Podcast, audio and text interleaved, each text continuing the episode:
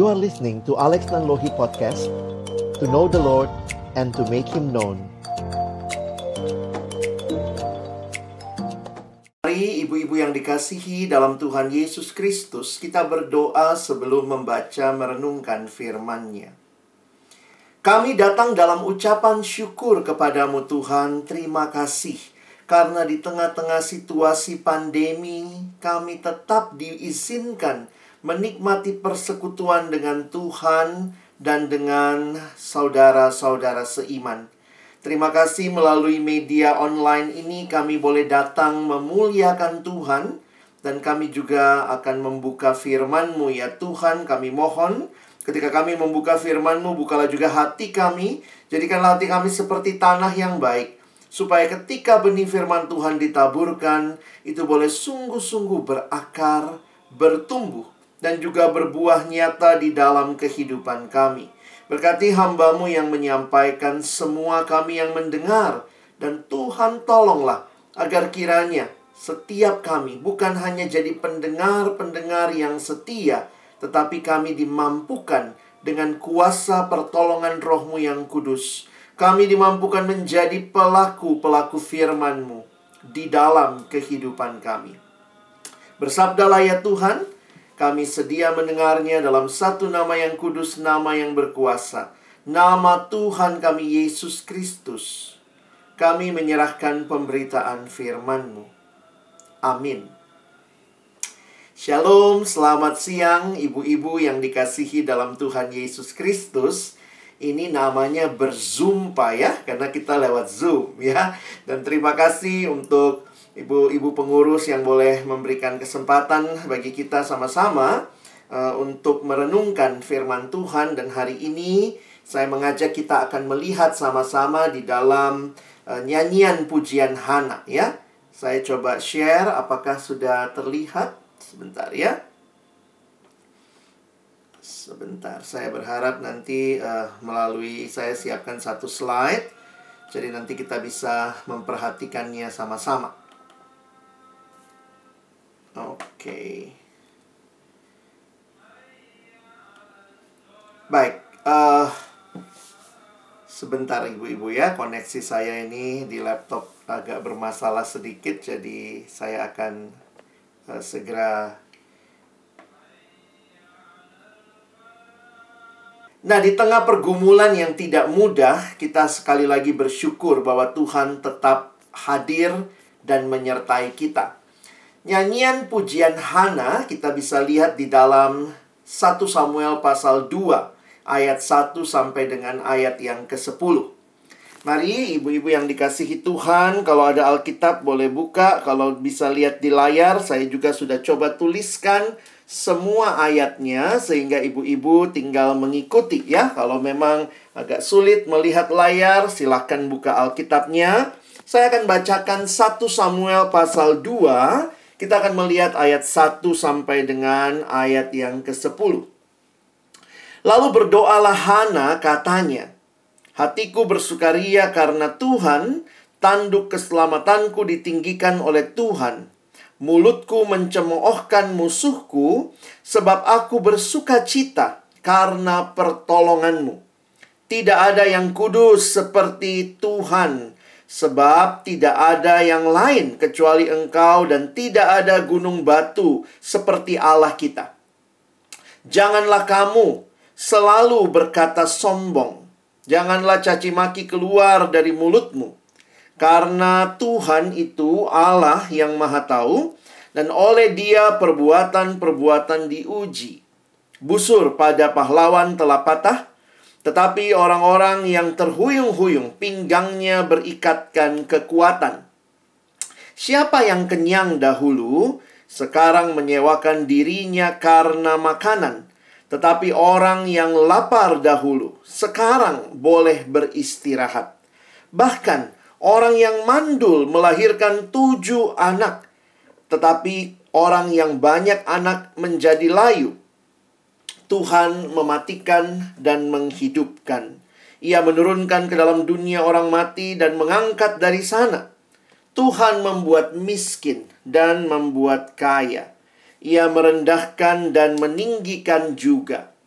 Ia menegakkan orang yang hina dari dalam debu dan diang mengangkat orang yang miskin dari lumpur untuk mendudukkan dia bersama-sama dengan para bangsawan dan membuat dia memiliki kursi kehormatan.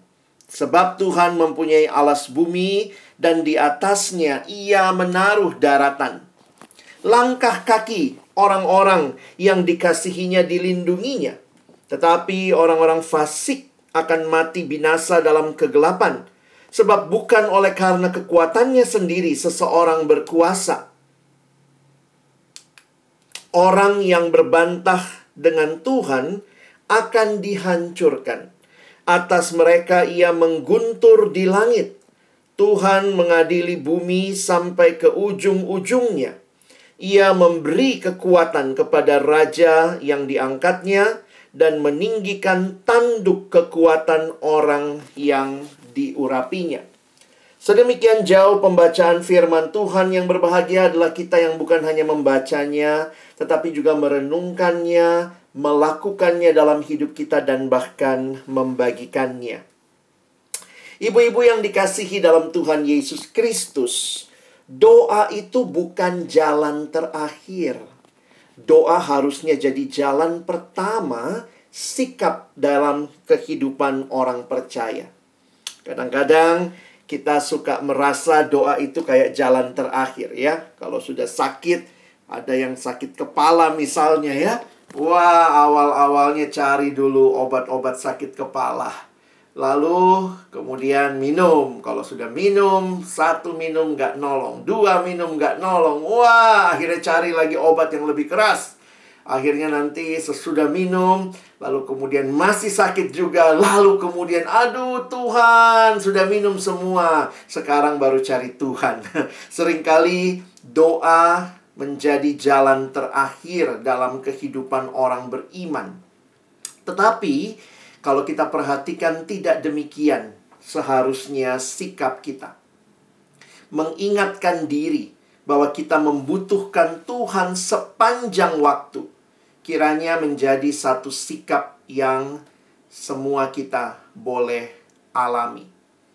Nah, secara manusia, ibu-ibu yang dikasihi Tuhan, kalau kita perhatikan apa yang terjadi pada Hana, Hana ini sudah hilang pengharapan, ya.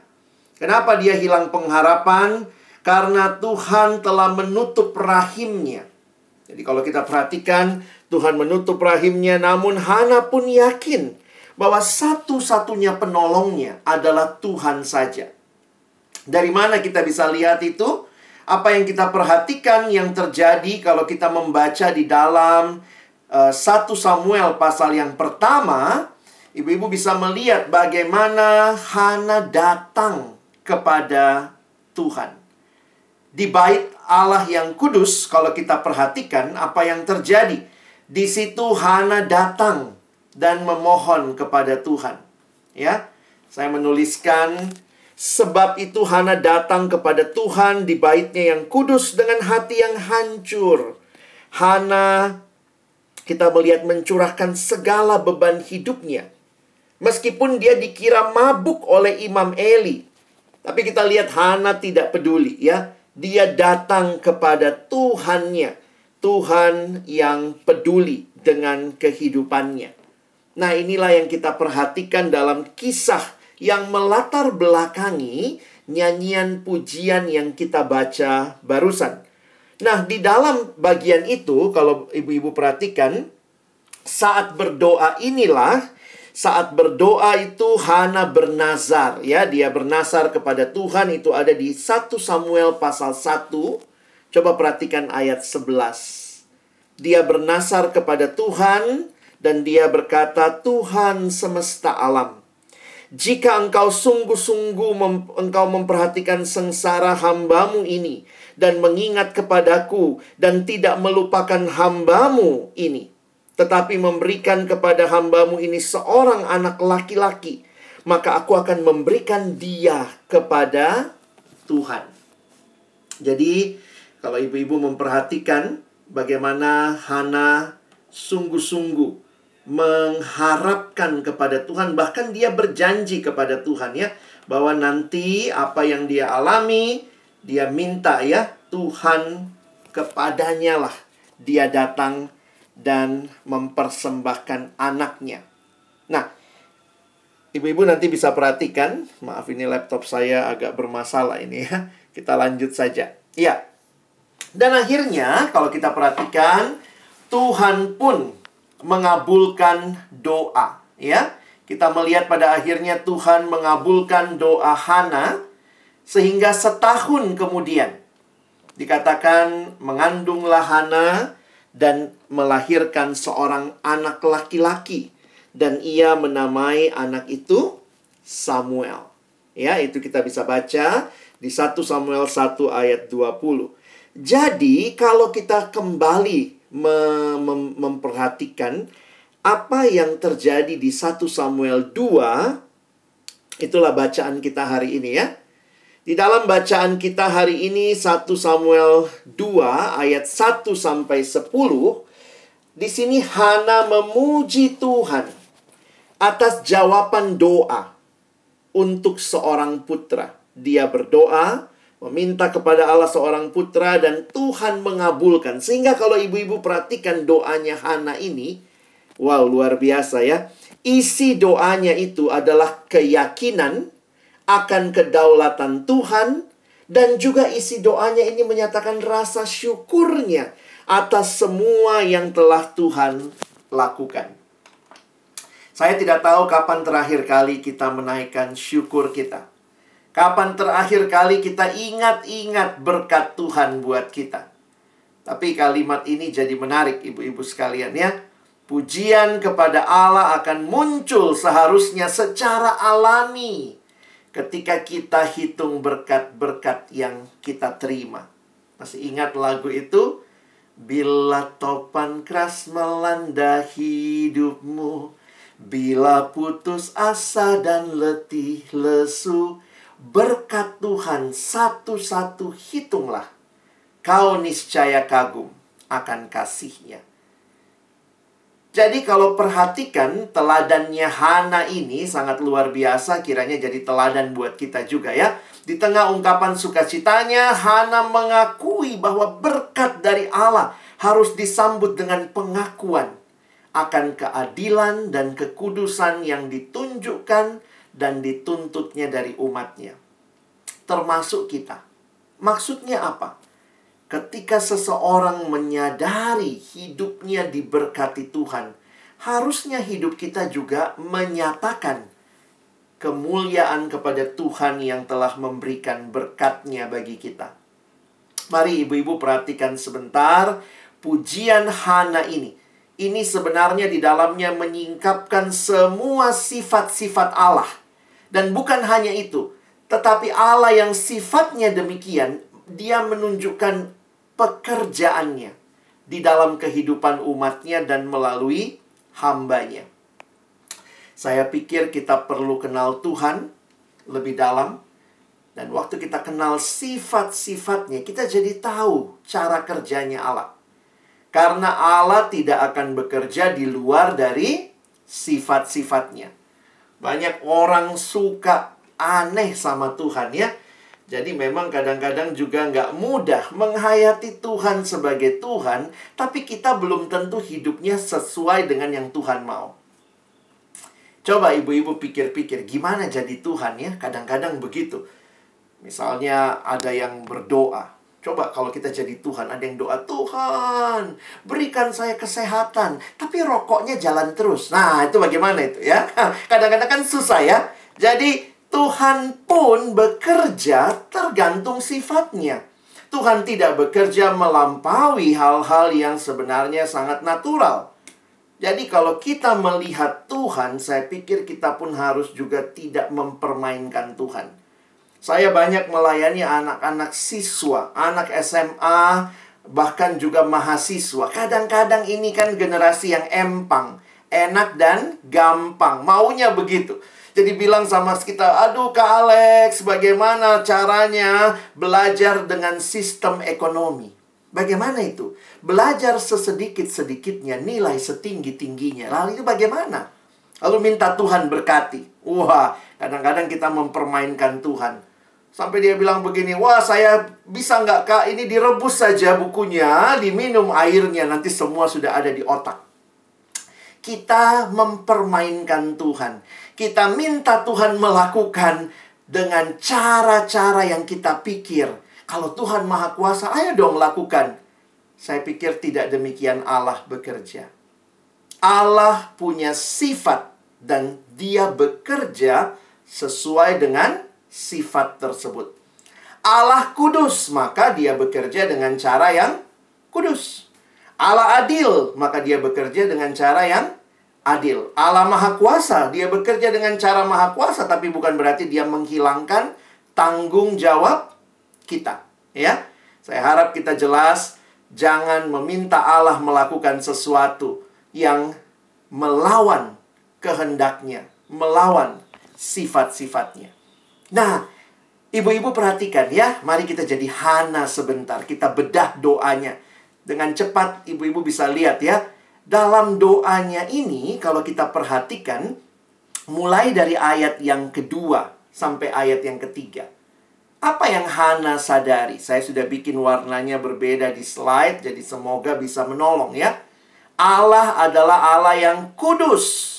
Dan Allah yang kudus ini adalah gunung batu, bisa jadi tempat bersandar. Dan lihat ayat 3 ya, dia juga Allah yang maha tahu dan oleh dia perbuatan-perbuatan diuji. Jadi ini apa yang diungkapkan Hana ya. Wah, Allahnya adalah Allah yang kudus. Dan Allah yang kudus itu adalah gunung batu, bisa bersandar.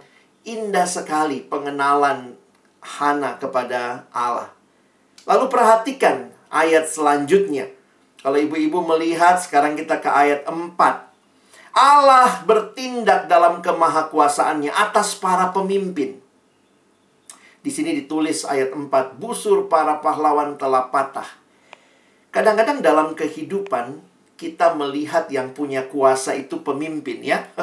Bos, atasan. Wah, karena itu banyak orang yang kayaknya tanda kutip ya takut sama atasan. Kalau benar kenapa takut? Sebenarnya seperti itu ya. Bahkan ayat ini mau menunjukkan bahwa Tuhan itu yang pegang hidup kita bukan semata-mata atasan kita bukan semata-mata orang yang punya kuasa. Hana menghayati bahwa busur para pahlawan bahkan telah patah. Tapi orang yang tadinya terhuyung-huyung pinggangnya, berarti orang lemah, tetapi sekarang pinggangnya berikatkan kekuatan. Ini satu penghayatan iman yang luar biasa dari Hana. Ayat 5, ibu-ibu perhatikan. Allah itu bertindak dalam kemahakuasaannya atas apa? Ayat 5 atas perempuan yang mandul. Kalau kita perhatikan sebenarnya ini satu hal yang bagi orang Israel masa itu kalau sampai mandul itu itu sangat memalukan bahkan terlihat Tuhan tidak berkenan kepada orang tersebut. Tetapi kalau kita perhatikan Hana melihat karena dia alami sendiri ya sekarang orang yang mandul melahirkan tujuh anak. Tujuh itu lambang kesempurnaan bagi orang Yahudi. Jadi Allah, Allah yang bertindak dan hal-hal yang sangat sepele kayaknya ya. Tapi Tuhan bekerja di dalamnya. Kalau kita lihat lagi ayat berikutnya. Allah bertindak dalam kemahakuasaannya atas hidup dan mati ayat 6. Tuhan mematikan dan menghidupkan. Banyak produk-produk yang dijual saat ini, produk kesehatan. Semua katanya bikin umur panjang, bikin lebih sehat. Puji Tuhan ya. Tetapi tidak ada yang bisa bikin kita hidup terus. Jadi kalau ibu-ibu menghayati, emang cuma Tuhan yang punya kuasa itu ya. Tuhan mematikan dan menghidupkan. Ini menunjukkan bahwa Hana datang kepada Tuhan pemilik kehidupan. Ayat selanjutnya di dalam ayat 7 sampai 8, dia Allah yang bertindak dalam kemahakuasaannya atas perbedaan status yang dibuat manusia berdosa. Kadang-kadang kalau kita perhatikan di dalam dunia ada yang namanya orang miskin, orang kaya. Tetapi di, di ayat ini perhatikan ia atau Tuhan merendahkan dan meninggikan juga. Jadi sebenarnya tidak ada status yang tetap. Karena Tuhan sanggup mengangkat orang miskin, dia berikan kekayaan dan orang yang kaya Tuhan sanggup turunkan jadi ini mengingatkan kita jangan sombong dengan apa yang kita miliki dan status yang kita punya. Status yang paling mendasar bagi setiap kita adalah apa? Kita manusia. Gak ada yang berbeda ya. Itu status yang paling mendasar. Tuhan menciptakan kita sebagai manusia. Tuhan tidak menciptakan kita sebagai orang kaya, orang miskin. Itu berkat Tuhan dan berkat Tuhan tidak selamanya diresponi dengan baik. Ada yang begitu dapat berkat Tuhan jadi sombong. Wah, karena saya punya banyak uang, saya punya kedudukan, wah saya orang kaya. Tapi tidak. Hana sadar betul ya, karena Hana mengalami, ibu-ibu ya. Hana bisa lihat karena dia kan di di jealousin gitu ya, di dihina-hina sama Penina. Kalau kita lihat ya, Penina itu yang uh, rivalnya dia begitu ya kayak sinetron begitu kalau nonton yang satu yang hina-hina tapi kemudian Hana bilang Tuhan membuat miskin dan membuat kaya. Ia merendahkan dan meninggikan juga. Tidak ada satupun status sosial, ekonomi yang akan tetap bisa bertahan. Status paling mendasar kita cuma manusia. Nah, perhatikan ibu-ibu yang dikasihi Tuhan, selanjutnya ayat 9.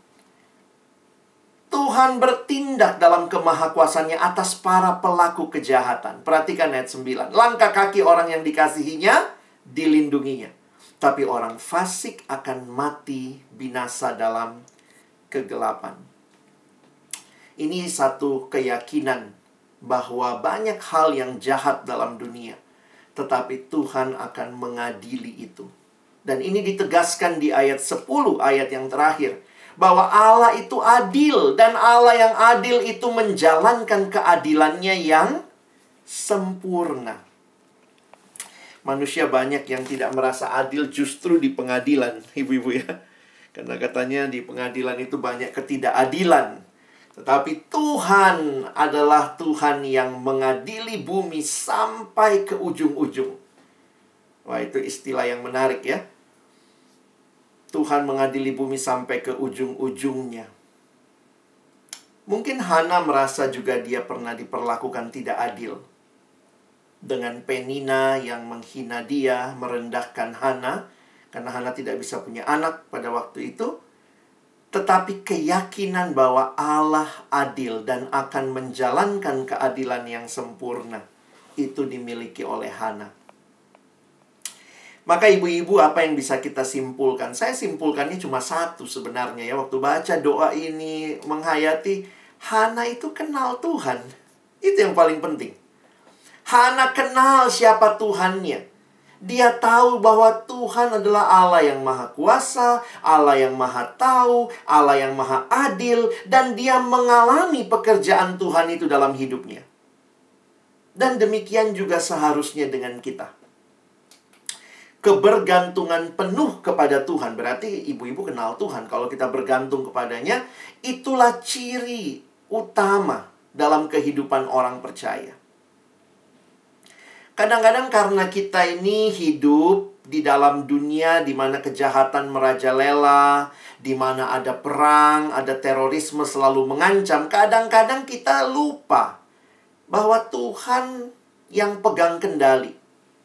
Dan mengingat kendali kedaulatan Allah ini membantu kita untuk menempatkan semua peristiwa dan hal-hal pribadi yang kita alami dalam perspektif yang tepat.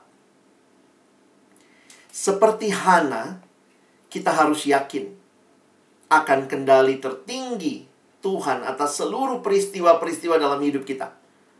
Dan kita harus bersyukur karena cara Tuhan memberkati kita. Karena dengan kita memuji Tuhan atas semua pemberiannya yang baik, itu sebenarnya kita sedang mengakui kendali tertinggi ada pada Allah untuk semua urusan kehidupan. God is in control. Allah tidak pernah sekalipun kehilangan kendali atas dunia ini. Allah selalu memegang kendali di belakang layar, bahkan dalam kehidupan sehari-hari yang kelihatannya biasa-biasa saja. Hana menyadari itu. Dan kesadaran itu membuat Hana datang kepada Tuhan, berseru kepada Tuhan, memuji Tuhan. Nah, mari kita pikirkan aplikasi buat kita ibu-ibu sekalian. Saya tuliskan begini ya. Saat ini, ya, saat ini mungkin mungkin saja kita sedang mengalami masalah ya. Saya tidak tahu masalah apa yang ibu-ibu, keluarga hadapi. Mungkin itu masalah keuangan. Mungkin itu masalah dengan usaha yang bangkrut. Mungkin itu masalah dengan sakit penyakit yang belum juga sembuh. Mungkin itu masalah persoalan keluarga. Mungkin itu masalah keturunan, punya keturunan, kemandulan. Mungkin itu masalah anak kita. Mungkin itu masalah anggota keluarga kita, ada yang bermasalah. Namun mari belajar seperti Hana ya. Sama seperti Hana. Mari kita juga datang kepada Tuhan dan alami pertolongannya. Saya pikir nyanyian Hana ini mengingatkan kita. Seperti lagu yang kita nyanyi tadi ya. Terima kasih untuk Ibu Leni yang memilih lagu tadi ada satu sobatku yang setia. Dia tidak pernah meninggalkan diriku. Ingatlah ibu-ibu yang dikasihi Tuhan, bahkan Allah dalam situasi yang paling sulit sekalipun. Kadang-kadang kita rasa Tuhan kayaknya aku tidak rasa penyertaanmu. Ingat, Tuhan itu tidak tergantung perasaan kita. Tuhan itu selalu ada. Mau ibu-ibu rasa dia ada atau tidak ada, Alkitab mengatakan kepada kita yang dipegang bukan perasaan kita, pegang janjinya. Dia Immanuel, dia menyertai kita selama-lamanya.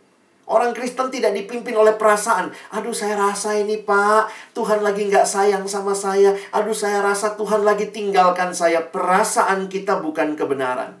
Yang dipegang jangan perasaan. Pegang firman Tuhan.